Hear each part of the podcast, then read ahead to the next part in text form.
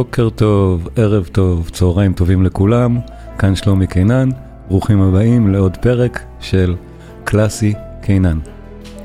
הפעם כשהיידן פגש את בטהובן, וכרגיל, כולם מוזמנים.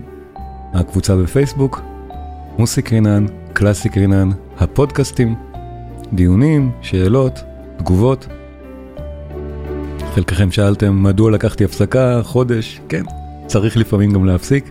אני עסוק כרגע בשני קורסים מאוד מעניינים, האחד מוצרט כבר בדרך, חלקכם שם, השני על וגנר, עוד מעט.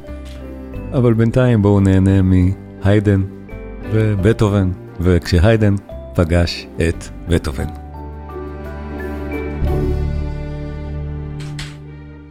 זה בתקופה שהמוזיקה עוד הייתה פשוט כיף. אף אחד לא חשב שהיא צריכה להיות מעבר לכיף. היא הייתה בשביל משהו, בשביל מישהו, וקונצ'רטו לחצוצרה. זוכרים שהיה דבר כזה, חצוצרה שכותבים לקונצ'רטי? רק היידן. איזה יופי.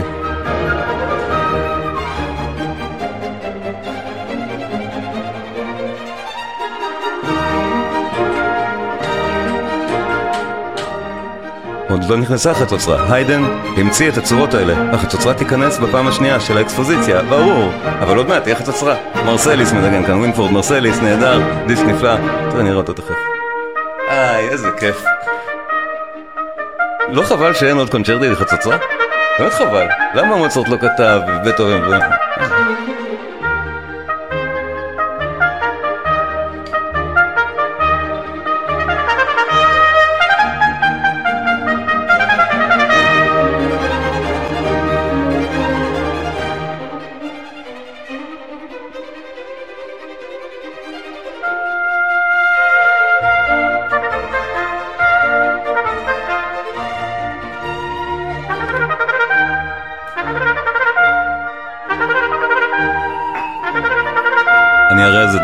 Agradeço-vos, não é?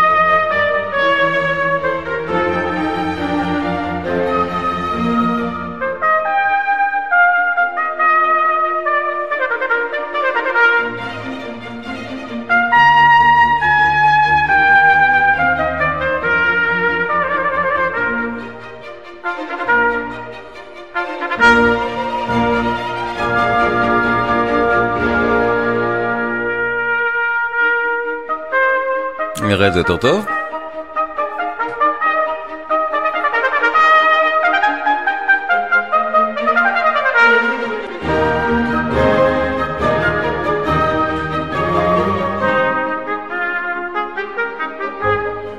איזה יופי הוא היה מלחין, כל המודולציות האלה, חלק הפיתוח, הכל כל כך יפה פה.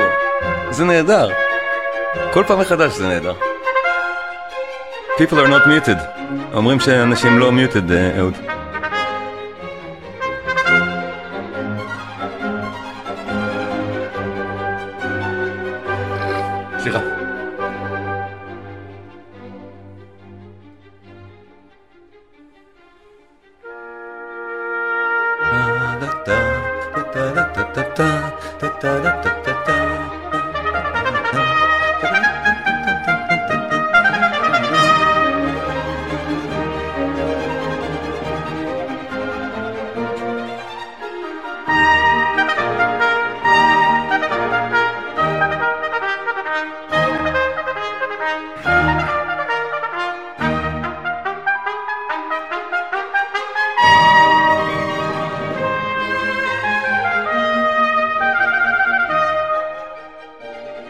אז זה הדיסק. מומלץ, יש פה עוד כמה קונצ'רטים יפים שנחזור אליהם בסוף איכשהו, אבל גם בואו נזכור את המוטיב הראשי של הדבר הזה, טה טה טה טה טה טה טה טה חצוצרה, כי אפילו לזה יש התייחסות אחר כך עוד פעם היום. זה.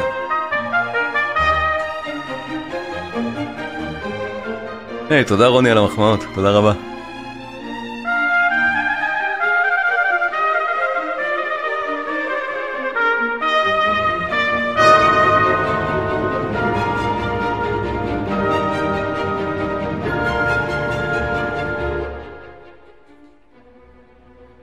ואני חושב שאנחנו יודעים כבר את כל הכללים, לפי זה הפרק מסתיים, ועדיין. אפילו שזה לפי כל הכללים, זה מקסים, הכללים נוצרו בשביל משהו. יש סיבה שהם שם.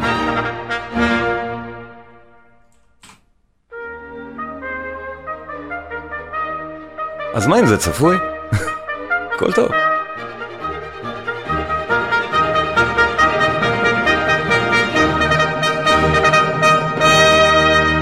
האמת, במובנים רבים, נניח בתקופה קשה כמו עכשיו, זה מרגיש לי יותר טוב מאשר בטהובן. זה יותר מנחם אותי, באמת. זה מעלה בי תחושה מאוד נעימה.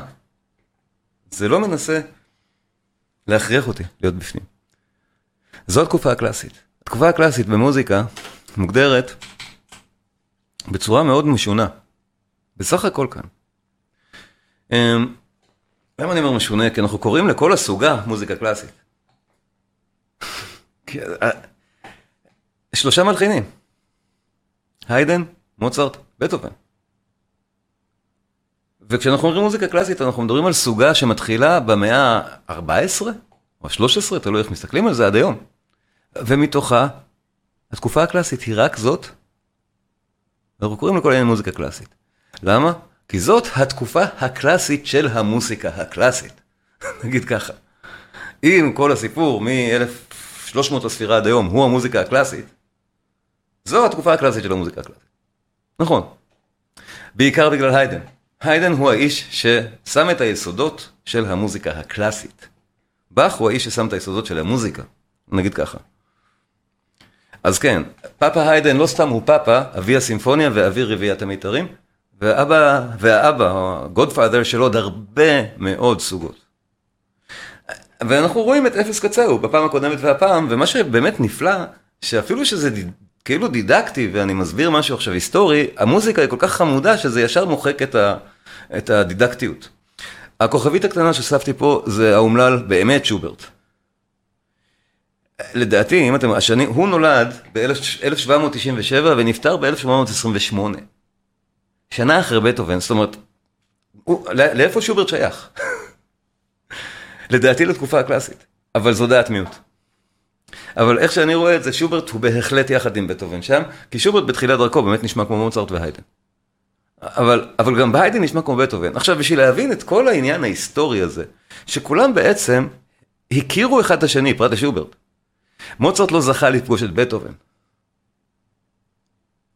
אה, בטהובן, סליחה, בטהובן לא זכה לפגוש את מוצרט. בטהובן מאוד רצה לפגוש את מוצרט, זה... בטהובן העריץ את מוצרט. העריץ אותו, פשוט העריץ אותו וגם סיפר שהוא מעריץ אותו. לבטהובן היו שני, שני מושאי הערצה, באך ומוצרט. עכשיו, באופן מאוד נוח, בטהובן עצמו היה אדם מאוד שחצן, ו- ועם בעיות אישיות מאוד קשות מהסוג הזה, של תוקפני ו- ומרושע, באמת, בטהובן היה אדם מאוד לא נעים. אז uh, על מוצרט הוא תמיד אמר שזה הדבר הכי גדול, אבל בגלל שמוצרט כבר לא חי, מוצרט לא מתחרה שלו. מילה טובה על היידן היה קשה מאוד לחלוב מבטהובן, כי היידן עדיין מתחרה שלו, היידן עדיין חי, והם מכירים. היידן נמצא בחזרות על ההירואיקה, הוא גם נמצא בבכורה של ההירואיקה. היידן עדיין חי. בואו נראה מה קרה, ה-BBC עושה לנו המחזה על החזרות של ההירואיקה, אצל הברון, אה, לא ברון, הנסיך אה, לכנובי, אה, לובקוביץ', שמו לובקוביץ', בווינה. וזה אירוע היסטורי ש... קרה אולי לא בטוח ככה, זאת אומרת היידן אכן ביקר שם בזמן החזרות. האם הדיאלוג היה כזה? זה סוג הדברים שלא ברור, אבל אלו דברים שהיידן אכן אמר בכמה הזדמנויות, אז כנראה שהיו דברים בר... ברוח זו. אה, אז בואו נראה קטע מהסרט. וזה בדיוק, בדיוק שיא התקופה הקלאסית. בטהובן, ההירואיקה, אין יותר... פה התקופה הקלאסית והרומנטיקה נפגשות, היידן עדיין בסביבה. אני אעלים את עצמי בכלל.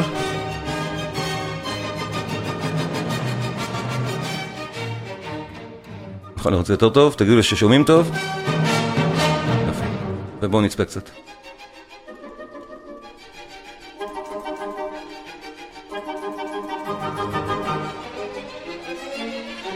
בטהובן, בטהובן כאילו מנצח על ההירואיקה שלו בחזרה הזאת אצל אה, לופקוביץ' שהזמין את היצירה.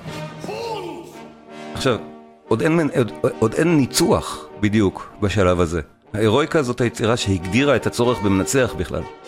אז בהמחזה הזאת, בטהובן כנראה כמו שהיה כבר כמעט חירש, מנסה להסביר לנגנים איך לנגן. זה, זה מציאותית היה.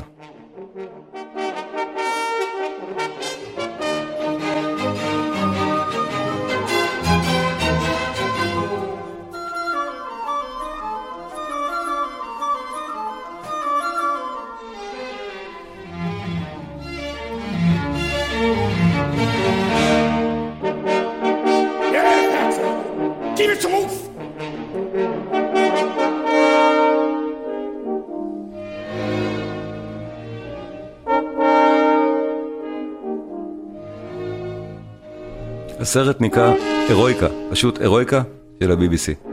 אפשר למצוא את זה אם אתם חיים באנגליה, אחרת קשה.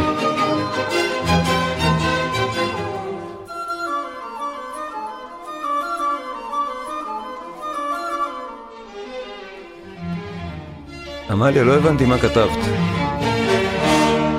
אחד שחיטה? לא, לא הבנתי.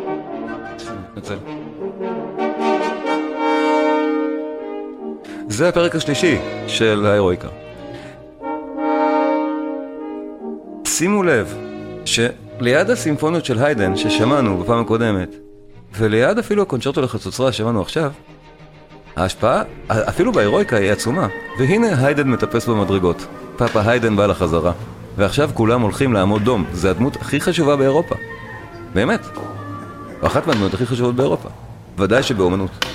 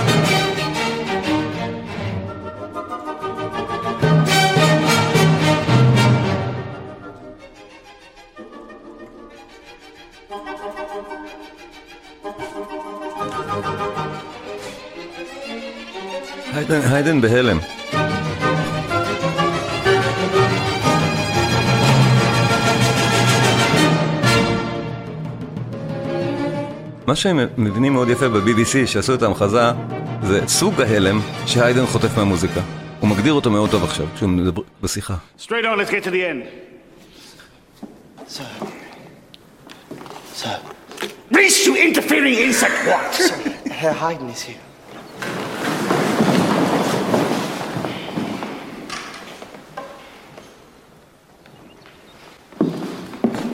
Master.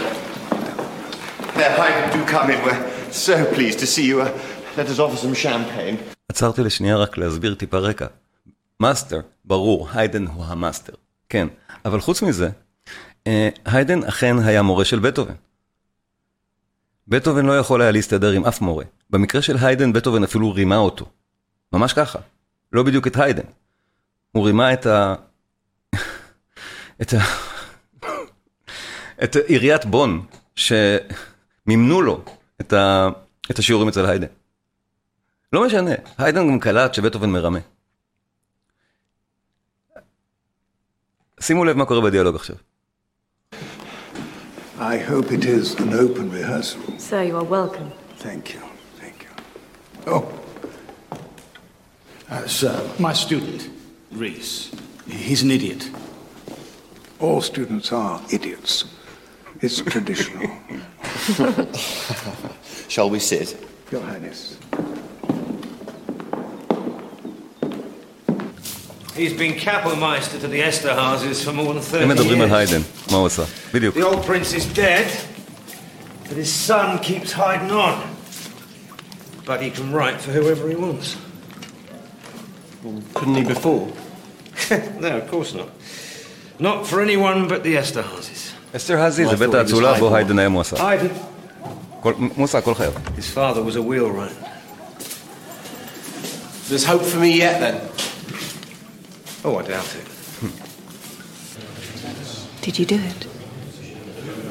זה האהובה הנצחית, אחד מהסיפורים ההיסטוריים הלא ברורים. מי הייתה האהובה הנצחית של בטהובן? לת- ל- ל-BBC יש תזה בנושא. Oh, thank you. Well, I'm looking forward to it very much indeed. How's it going? Splendidly, splendidly. It is a work of quality, Herr Haydn. Uh, sad to say, not the highest. Oh, Unlike your own work, sir, it does not strive for perfection of form. It's all roaring and grunting. but the only thing I could remember striving for is a balance between the emotions and the intellect. הדיאלוג פה הוא ממש טוב. בשביל להבין את הנקודה. The key, as ever, is restraint. I'm not very good at restraint. And we love you for it, Louis. None of it is worth anything, finally. Since my dear wife died, all I can think about is when is the end coming? Will it be today? זה גם נכון. היידן אה, נכנס למשבר קשה. יונה ביקש פעם קודמת שנשמיע יצירה מסוימת קשורה למה שמדובר בה עכשיו. אה, אני, ברשותכם, אמנם לא סיפרתי על זה, אבל אני רוצה להראות גם את הפרק האחרון של ההירואיקה כאן. הוא מאוד רלוונטי, וודאי שתגובתו של היידן רלוונטית. ובואו נודה, הסרט הזה מדליק לגמרי וקשה מאוד למצוא אותו מחוץ לאנגליה. אז שווה צפייה. My strength is gone, Your Highness. I. Oh, I suffer dreadful headaches, dizziness, and I can't play the piano anymore. So. And Nilsson Bachet. But you have composed The Seasons, a work of brilliance. No, The Seasons wore me out. I shouldn't have written it. Finished me. He's obsessed with death. My master reveres him. They're not normal, these people. You should go to England. One can earn good money there. הערה קטנה על זה. את זה היידן המליץ גם למוצרט, ואם מוצרט לא היה נפטר, כנראה שמוצרט היה טס לאנגליה גם. טס. מפליג. אנחנו שמענו בפעם הקודמת את אחת מהסימפוניות שנקראות סימפוניות לונדון, את סימפוניית ההפתעה. הדברים הכי טובים של היידן, או, לדעתי, הם מלונדון, כן, מהדברים שהוא עשה שם. Really? I'd like to find a publisher who'd pay me an annual income for life. זה הולך In לקרות, return, they'd have the right to put out everything I compose. גם זה הולך לקרות. All I want is financial security so I Zeker. can work. I think Goethe has this arrangement. נכון. And if I'm not mistaken, Handel's London publisher did the same for him. But um, you're not Goethe, nor are you Handel. Oh. And nor will you ever be. How do you know? Because people like that are no longer born. My dear fellow, he doesn't mean to hurt you. It's very common, that viewpoint. They cannot bring themselves to believe a young person can achieve anything. So reactionary. Serene Highness, I cannot associate with people who do not believe in me. Let's finish the rehearsal. I don't feel like it. I want to go home. Oh, please, don't go. In Halliganstadt, I'm happy. There are trees. הגינשטאט זה המקום שבו הצוואה, הראיתי, What is אני, there for me here? באחד מהמפגשים הראיתי לכם. My husband has a proposal for you. I? זה אירוע היסטורי אמיתי. רביעיות, אה, הסימפוניה הוקדשה בסופו של דבר לנסיך אה, אה, לובקוביץ', אני לנצח לא אזכור את שמו, וכל שאר הפרטים לגבי העסקתו של בטהובן כמוזיקאי עצמאי, הם מהפכניים כשלעצמם. היידן בכלל לא היה בסיטואציה הזאת, הוא היה רק עבד, משרת של, של, ה, של אה, בית האצולה באסטרזי. המהפכה החברתית שנובעת מבטהובן נשקפת גם במוזיקה מול היידן, וזו הדילמה. Oh, yes. Um, I love this piece of music, Ludwig. It's an extraordinary experiment upon an unsuspecting world. I should like to hear it again. Shall we say 2,000 florins for six months? Exclusive rights?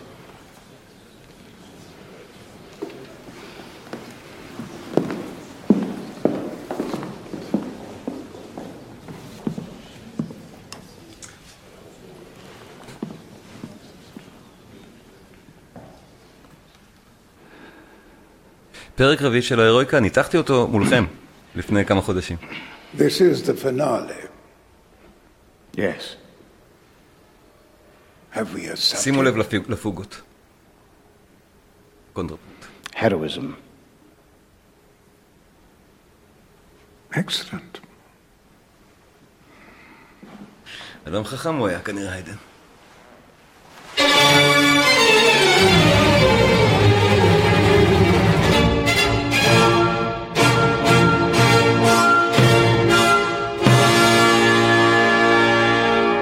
מי שמנגנים כאן זו התזמורת ששמענו בפעם הקודמת. הם מוקלטים כאן חי. התזמורת של גרדינר, אנחנו דיברנו עליו גם בקורס של באך, מנצח באמת נהדר. בכלי התקופה. אבל שימו לב, אנחנו נשמע עכשיו את הפינאלה של ההירואיקה, כשהנחת העבודה של הסרט ושל כולנו בעצם, היא שהיידן ובטהובן הם כאילו קצוות מנוגדים, נכון? זה מה שהם מנסים להראות לנו פה. ומוצרט כנראה איפשהו באמצע. אנחנו נשמע מהיידן דברים שבצלילם הם. הם מאוד דומים לזה. הניגוד היחיד הוא בעוצמה הרגשית. שימו לב לזה.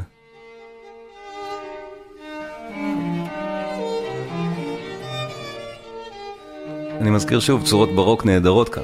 פסקליה, זאת אומרת הבאס שחוזר כל הזמן לאורך כל הפרק. זה הכל מבוסס עליו. דברים שאגב גם היידן היה עושה.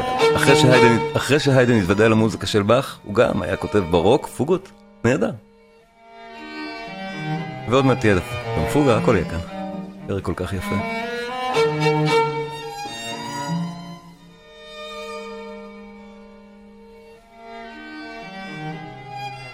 הם מנגנים את זה נפלא חי. פשוט יפה.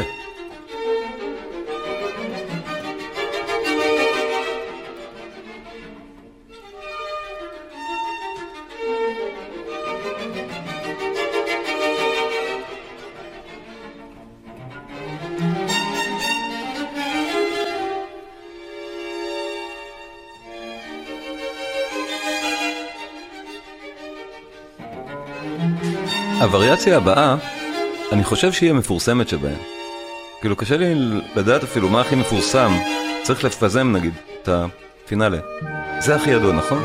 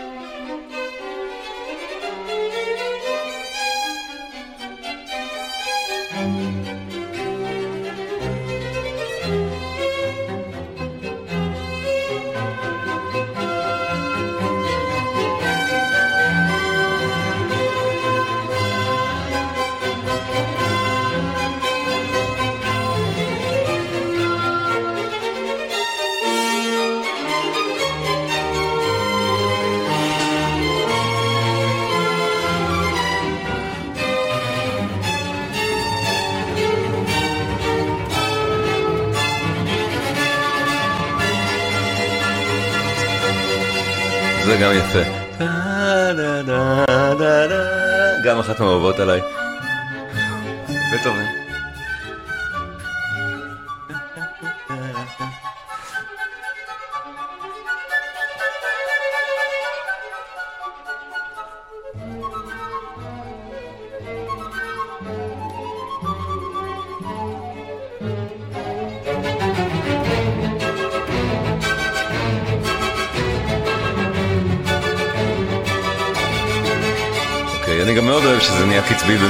גם זה נהדר. שוב, על אותו פס. לא בדיוק, אבל ברור שזו צורת הברוקאית, שחוזרים על אותו בס כל הזמן.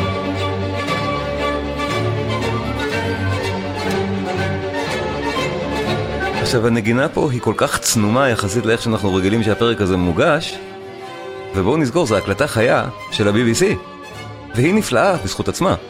אני הייתי קונה את הדיסק.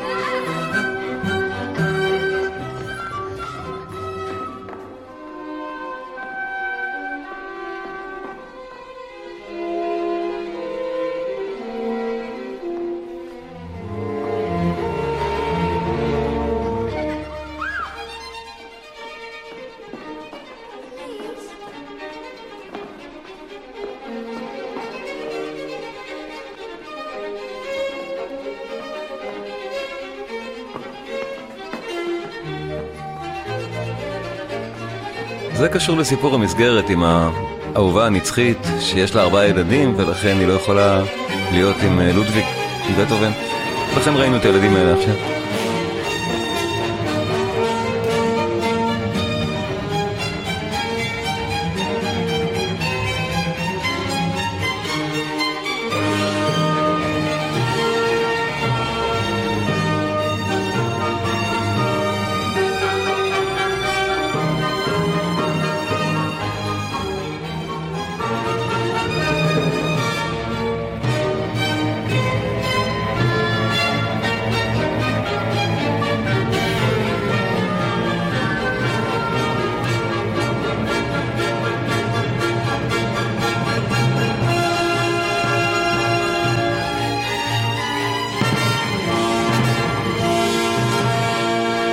והיידן מבין פה משהו, ואת זה הוא באמת הבין מההירואיקה. היידן, התובנה הזאת, הוא הבין.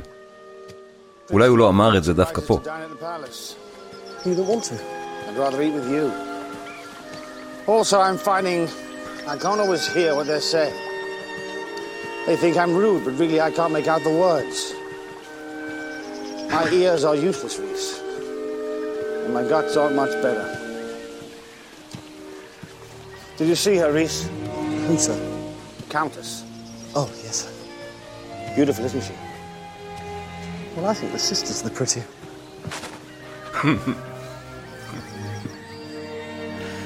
Reese, you may know something of counterpoint and harmony. You know nothing whatsoever about life. What do you say, Herr Haydn? Very long, very tiring. Unusual, though, wasn't it? Unusual.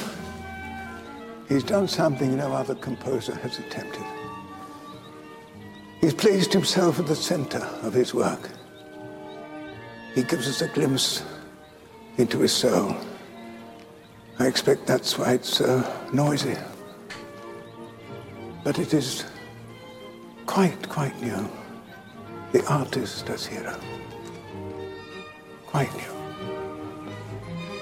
אנחנו נשמע את זה עד הסוף. Everything is different from today. כל כך נכון. לטוב או לרע, לא ברור, אבל שונה.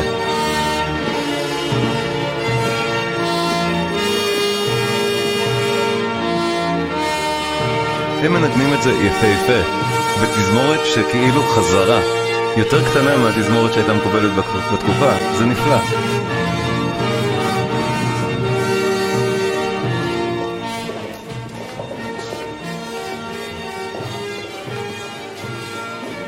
כן, יונה כתב, זה נשמע כמו רביעייה, נכון. בהתחלה של הפרק זה באמת נשמע Excuse me, ככה. sir. There's Menzel. I'll just say hello.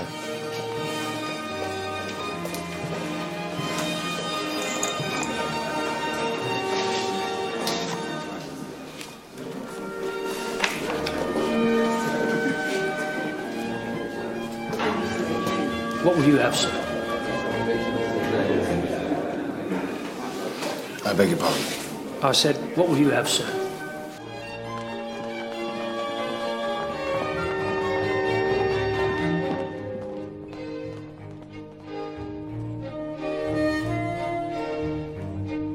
עדיין על אותם באסים. נכון? איזה פרק. Menzel's just back from his club. There's news from Paris. What news? Bonaparte's just made himself emperor. Emperor. Yes. He's had a coronation and everything. He's no longer first consul. He's an emperor.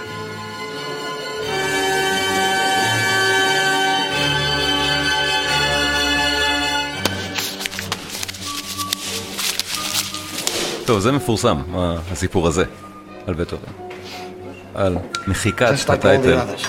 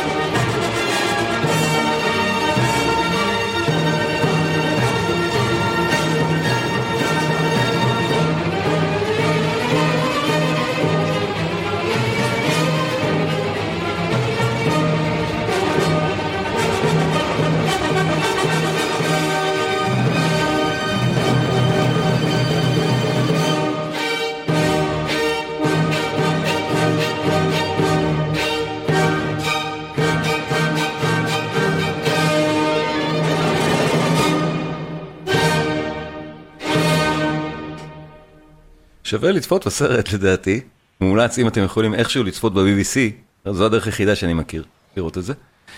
אבל הנקודה המעניינת באמת, בואו נחזור לאותו timeline, כן, זה כאן, כל הדברים האלה פה. אה, רגע, תראו את זה יותר טוב. הכל פה. זה ממש, אלה השנים, היידן נפטר ב-1809, הירואיקה 1804. זאת אומרת, מה שאנחנו שמענו עכשיו זה שש שנים, חמש שנים לפני פטירתו של היידן. אנחנו חושבים תמיד שההירואיקה היא הרבה אחרי היידן. היידן אנחנו משייכים אותו בכלל למוצרט, זה לא, זה לא נכון. היידן ובטהובן, ברוב רוב התקופה הם מקבילים, עד אמצע התקופה השנייה של בטהובן, עד ההירואיקה, ואחרי.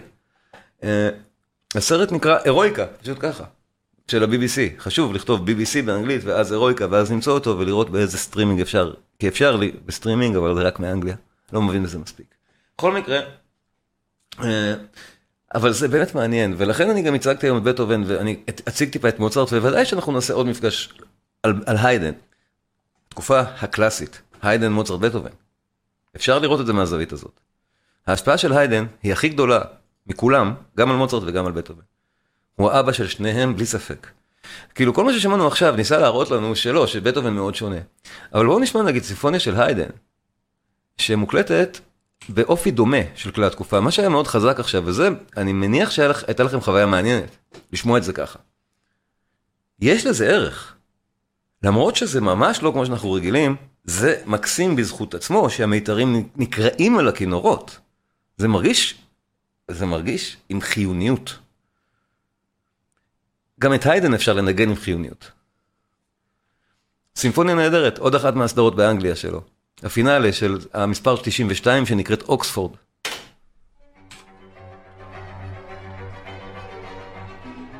אני אראה תכף את ההקלטה, עד ש...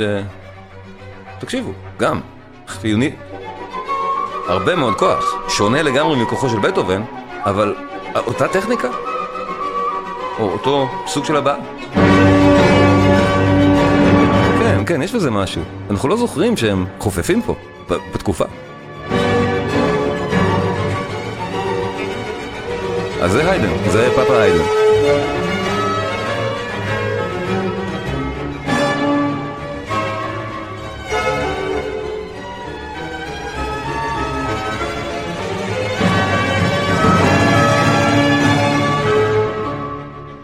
זה הדיסק, דיסק מומלץ מאוד מאוד, אני עוד מעט אצליח עוד קצת.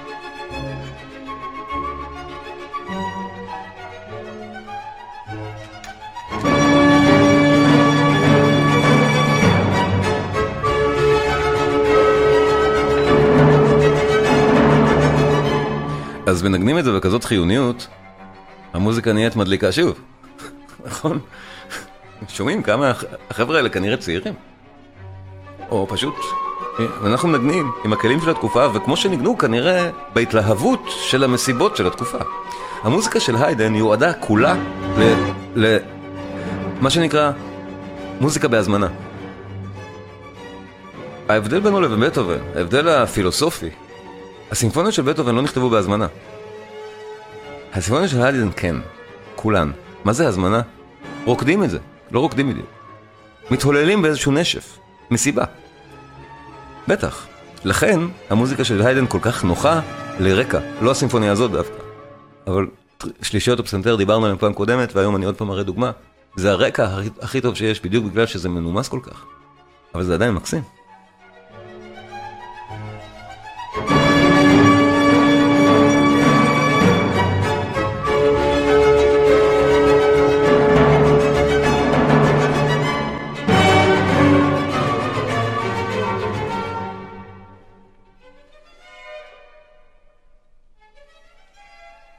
אה, מצאתם את זה ביוטיוב, את הסרט? נהדר. יופי. איזה כיף.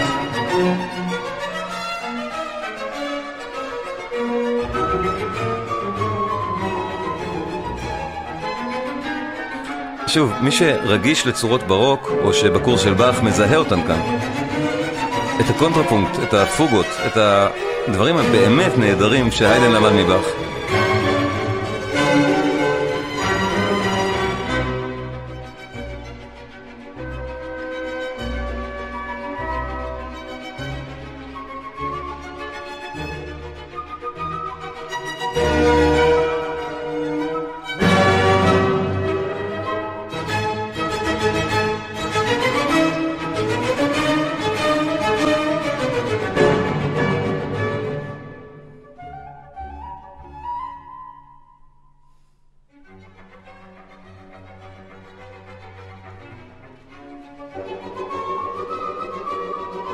העניין עם תאריכים הוא לא יאמן.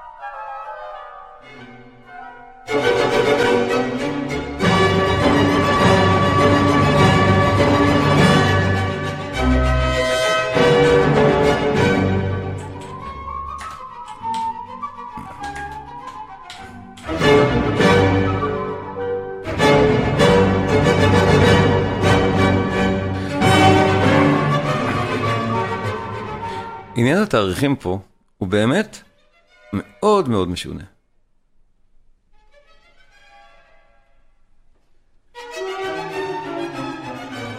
היידן היה בן 18 כשבאך נפטר. היידן כבר עשה מוזיקה כשבאך נפטר. היידן נפטר הרבה אחרי מוצרט. זה... אנחנו שכחנו ממנו, אבל בטעות. הוא כנראה לא דמות מושכת כמו מוצרט. או כמו בטהובן, ברור, אין סיפור על היידן. שום סיפור. אבל יש פה אוצר שאם לא מכירים אותו, זה מספיק לעוד שלוש קורונות של מוזיקה נפלאה ברמה הזאת של היידן. אני אגיד את זה עוד כמה פעמים, למה לא? מליץ יושר.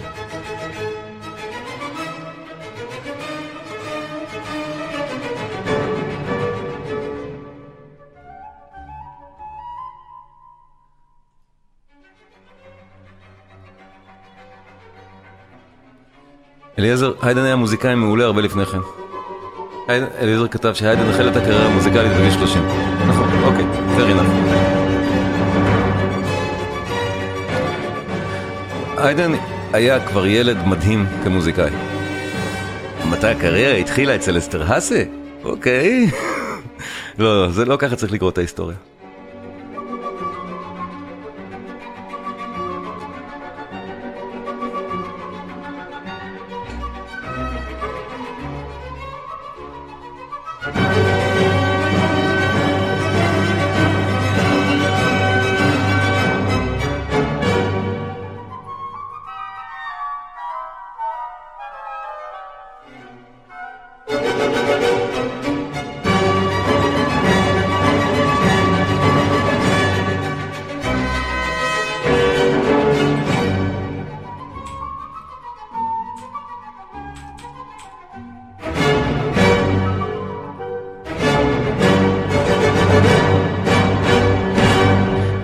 כמה בקלות אפשר להשחיל לסימפוניות שאנחנו שמענו עכשיו, לאותה סדרה של סימפוניות קלאסיות מדהימות כל אחת אחרי השנייה, כמה, כמה קל יהיה להשחיל אליה את השלישי, את ההוא שדחוס בין שניהם, או תוך כדי שניהם, את החבר הכי טוב של היידן שנפטר בגיל 35 וחצי, 41 של מוצרט פינאלה. שימו לב, אנחנו באותו עולם, ומוצרט הוא מוצרט. לא יעזור, נכון, זה נכון. אבל גם פה, פוגות על פוגות, על קונטרפונקט, על ענייני ברוק. חבל הזמן 41 יופיטר של מוצרט. אבל היידן כל כך השפיע עליו, כל כך, ומוצרט כל כך היה אסיר תודה על זה. ברור. ומוצרט הוא באמת ספירה אחת מעל כולם כמו באך ובטהובן. נכון. כנראה שבזה יש אמת.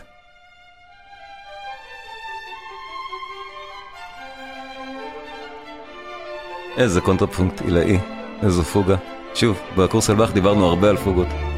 אז בטח, זה אחד ממפגני הפוגה היפים.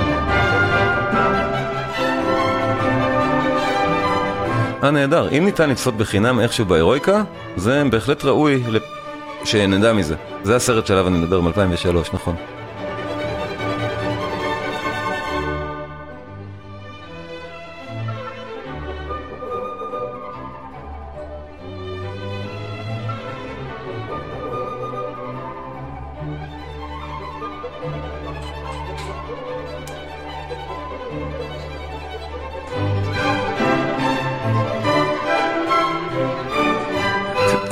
אשמח אם תגידו בצ'אט אם אתם מבינים באמת את הדמיון המאוד מאוד גדול בין שלוש סימפוניות של מלחינים כאילו שונים, אבל הם כל כך באותה תקופה, בלב ליבה של התקופה הקלאסית, ושלושתם מעצבים אותה גם, שזה יצירות שאפשר להאזין להם גב, גב אל גב ולהיות בווינה באותו היום.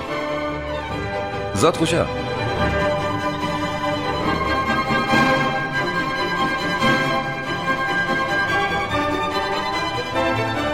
אני גם אראה, אני אראה את הביצוע של יופיטר, אני אראה איזה ביצוע זה, שנייה.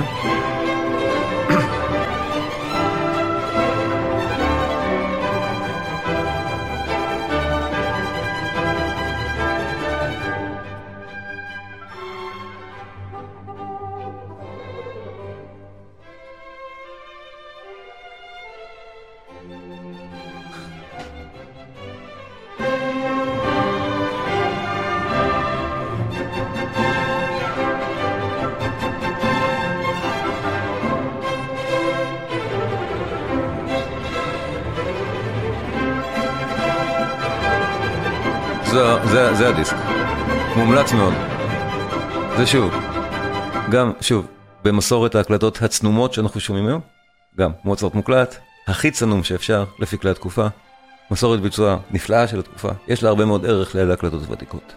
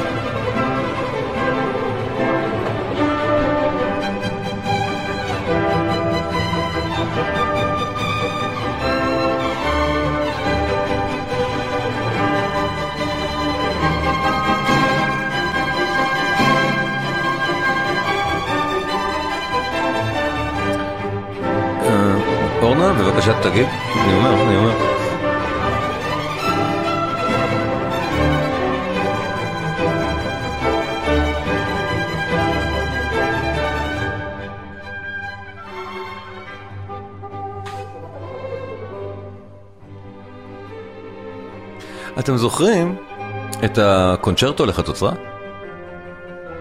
זוכרים איך הוא התחיל? מזהים? משהו פה, משהו פה מעניין?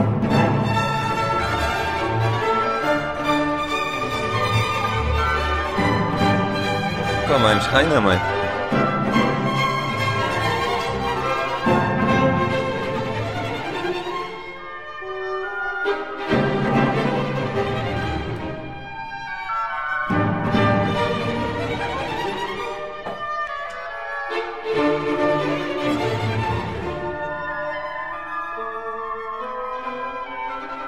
אז ודאי, פה יש לנו את מוצרט, את מוצרט מושפע מאוד מהשניים הגדולים שלידו. לפניו, מבאך, עם כל הקונטרפונקט המדהים שיש בפרק הזה, ומחברו הטוב ואבי הסימפוניה, היידן. עכשיו בואו נזכור, מוצרט, היצירה הזאת היא מדהימה, 41 של מוצרט. ה-40 של מוצרט, מדהימה. ה-39 של מוצרט, מדהימה. סול מינור, יש כמה. הרוב פחות טובות משל היידן. הרמה של היידן בכל הסימפוניות היא אחידה, היא רמה גבוהה אחידה, יש טובות יותר טובות פחות. אבל היידן חי כל כך הרבה שנים, הלחין כל כך הרבה סימפוניות מעולות, הרפרטואר שלו הוא באמת נהדר. אורנה ביקשה שאני אגיד שאני מחליף יצירה יוצר, אני, כל, אני ממש משתדל, אבל אם זה לא מספיק ברור, באמת אפשר להעיר לי, אז איזה חלק פה לא היה ברור? אם תכתבי אני, אני אחזור לשם, בשמחה.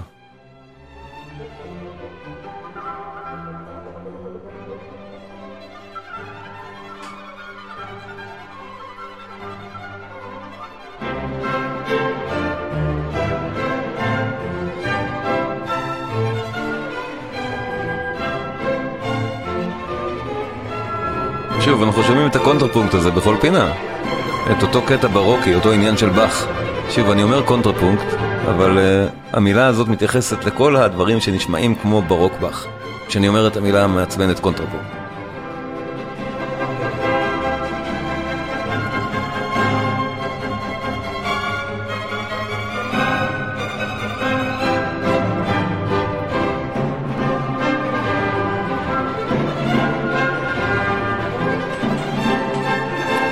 עכשיו תראו, לצערי, אני מפסיק את זה.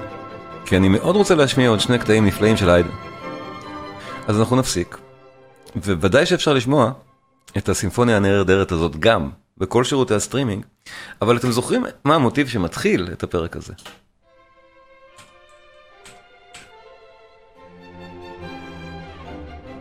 בעצם זוכרים את זה? רק בסולם אחר? שמענו בהתחלת הערב. הדמיון הוא קיים.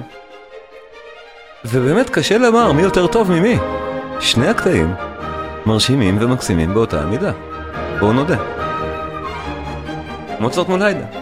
מושפעים מאוד זה מזה. הקטעים האלה כל כך דומים באופיים המלודי, אם לא בקונטרפונקט.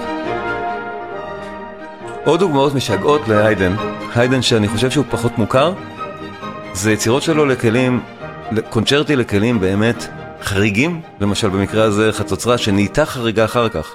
חצוצרה הייתה כלי שכתבו לו הרבה מאוד קונצ'רטי. בתקופה הקלאסית למשל, אביו של מוצרט, לאופולד, הלחין הרבה, הוא הלחין, יש לו קונצ'רטו לחצוצרה מפורסם אפילו אחד. אה, אבל הז'אנר הזה, מוצרט לא התעסק עם הכלי בכלל, כי מוצרט לא אהב חצוצרה, הוא באמת לא אהב את הכלי.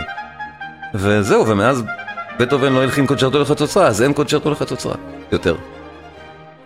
אבל היידן הלחין קונצ'רטי לעוד כל מיני כלים, למשל ללאוטה, בתחילת הדרך. לאוטה הייתה כלי, שוב, אנחנו מדברים על תקופתו, באך עדיין היה חי כשהיידן היה בן 18, לאוטה הייתה כלי שיש אותו. אנחנו עדיין בתחילת דרכו של היידן, הוא עדיין מבחינתו נמצא בברוק. אה, זה לא נשמע חזק? אני יכול להגביר אצלי. חבל שלא אמרתם לי קודם. אוקיי, אז גילה אומרת את זה, פעם באה להעיר לי בהתחלה באמת, ואני מקווה שכולם שומעים בסדר. על כל פנים, היצירות הנניח פחות מוכרות באמת של היידן, שמקליטים אותם רק עכשיו, באמת רק עכשיו, אני מגלה אותם רק עכשיו.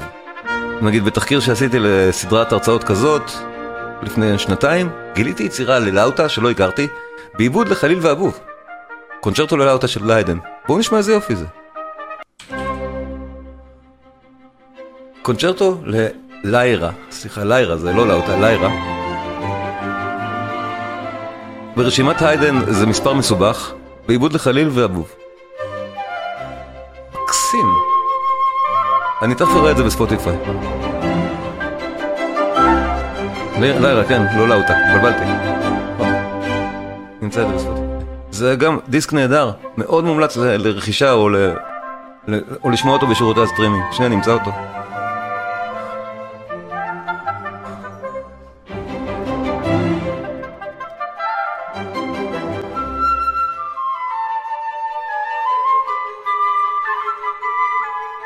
זה הדיסק. נראה את זה יותר טוב?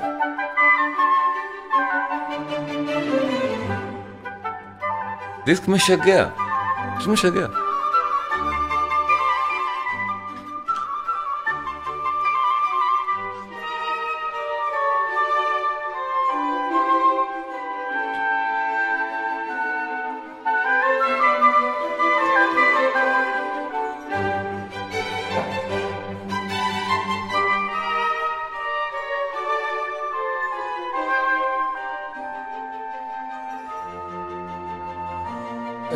דניה, שאלה מצוינת, זה לא שאלה של מי יושפע ממי, ההשפעה הייתה הדדית כל הזמן, בין מוצרט להיידן ודאי. ובמפגש הבא אני אדבר על מוצרט מול היידן ולא על בטהובן מול היידן. זה גם רלוונטי מאוד. אבל בטהובן הוא לא חי עם מוצרט במקביל, כן, הם לא נפגשו אף פעם. בית, נדמה לי שבטהובן היה בן 11, משהו כזה, כשמוצרט נפטר, צריך להסתכל עוד פעם על הלוח הזה. אה, אז הם לא נפגשו. יש שמו, כאילו מין אגדה שמוצרט שמע את בטהובן מנגן ואמר שהוא הולך לצמוח ממנו משהו גדול, אבל כנראה זה הופרך. זה כנראה מיתוס. אז אה, היידן ומוצרט ההשפעה הדדית מאוד מאוד ניכרת. ושניהם גם דיברו על זה וכתבו על זה והודו בכך וככה וכזה. בטהובן ההשפעה של היידן מאוד ניכרת עליו, אבל הוא אף פעם לא אמר את זה כי הוא לא סבל את היידן אישית. וההשפעה של מוצרט מאוד ניכרת עליו, אבל זה הוא תמיד סיפר, ועשה גם וריאציות על, על, על קטעים מאופרות, התייחס למוצרט כל הזמן, כן.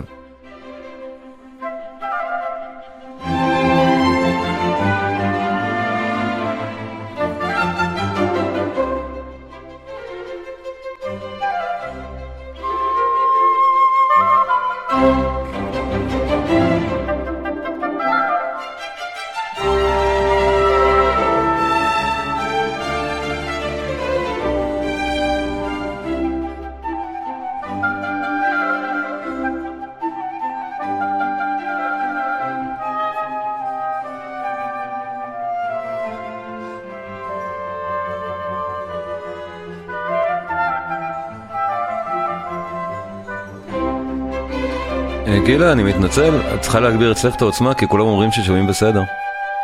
אני לא יודע מה, מה השתנה, אני רואה אצלי גם עוצמה מצוינת. אצלי זה נראה מעולה. כשאני מוציא את זה, הס- הסיגנל בריא, הכל טוב. לא יודע.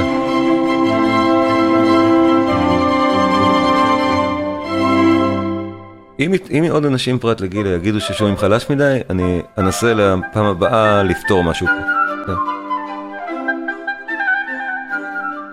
אני שואל כי אני באמת החלפתי פרי ציוד. באמת, אני היום משדר עם ציוד חדש, ולכן אולי יש עניין. אני פשוט לא יודע. מה שאהוד אמר בהתחלה להדהוד למשל, נכון, כי לא כיוונתי את זה. ושוב, לא תהיינה הפתעות גדולות בסיום הפרק, זה היידן.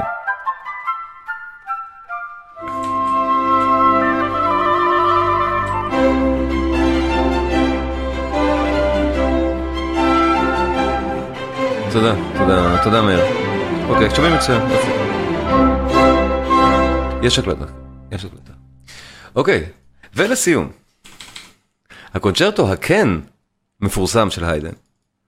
אה, החוץ, לא, החצוצרה הוא הכן מפורסם, הקונצ'רטו האחר שהוא מאוד משפיע גם- וגם מאוד מפורסם זה הקונצ'רטו לצ'לו. שכל צ'לן מנגן אותו ברפרטואר, אין צ'לן שלא מנגן את הקונצ'רטו הנפלא לצ'לו של היידן. זה אחד מלא רבים של קונצ'רטי לכלי, אין הרבה קונצ'רטי, שוב, קונצ'רטו ברבים זה קונצ'רטי. אז אני אומר קונצ'רטי, הכוונה לקונצ'רטואים. אז אין הרבה קונצ'רטי ברפרטואר לצ'לו, זה כלי שקשה להלחין לו קונצ'רטו. זאת אומרת, קשה מסיבות אפילו אקוסטיות, זה כלי שהווליום היחסי שלו הוא חלש, ושהמנעד היחסי שלו לא משתלב טוב ככלי סולו. על כל פנים, כן, מלחינים ענקיים כמו היידן כתבו קונצ'רטו מעולה לצ'לו, דבוז'ק, קונצ'רטו מעולה לצ'לו. יש כמה ברפרטואר, אבל זה אחד מהבולטים שבהם. בואו נשמע, בואו נשמע אותו, אני גם אראה מאיזה דיסק. פרק נהדר לסיים איתו, לסיים איתו מפגש שני על היידן. בואו נשמע קונצ'רטו לצ'לו, אה, אופוס 101 של היידן, ואני אראה את הדיסק.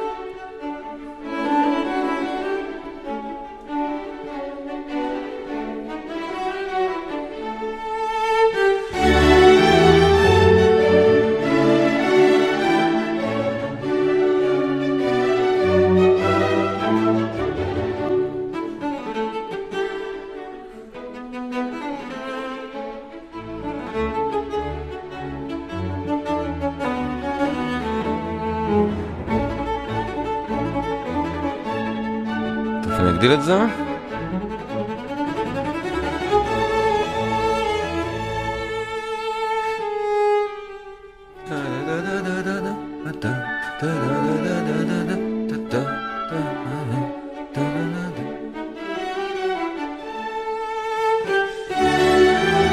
אה, אורי, אורי כותב לי, שלומי, הרקע שסביבך מבלבל אותי. מה, זה החתולים שלי? כאילו, איזה רקע? מה, מה, או, או, או ש... אני זז, אני יודע, אבל איזה, אין לי שום רקע. חוץ מזה, זה החדר האמיתי שלי. ככה הוא נראה.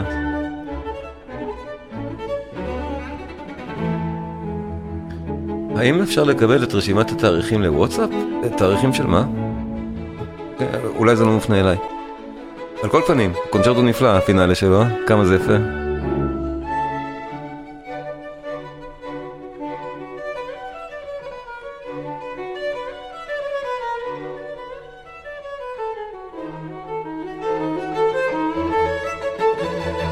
ודאי, להרצאות האלה ממש מומלץ להאזין עם אוזניות, החוויה הרבה הרבה יותר מענגת. האיכות סאונד היא חשובה לי באמת, ואני משדר לכם באיכות סאונד מעולה. שווה מאוד לשמוע עם אוזניות. מומלץ.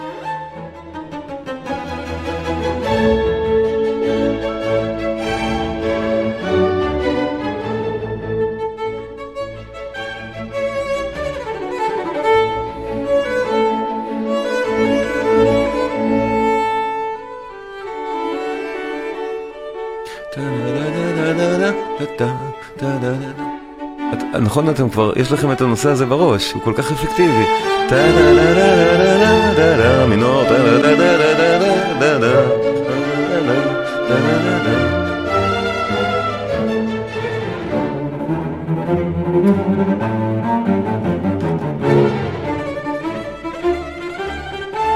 צ'לו, צ'לו, כן, זה כלי שלא קל. כלי סולו, זה די מרשים. האמת שזה עובד, מרשים מאוד.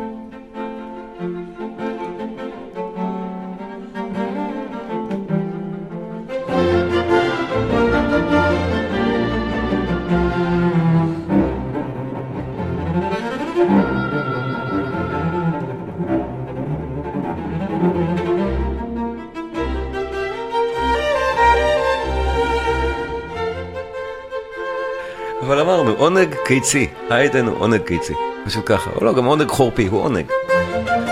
אה, היצירות. מה שיונה ביקש, נדמה לי יונה ביקש את האורטוריו, נכון? נדמה לי. אה, אני לא זוכר, את העונות אולי? יש כמה יצירות של היידן, שהן אכן כבדות, אמרתי את זה פעם קודמת, יצירות...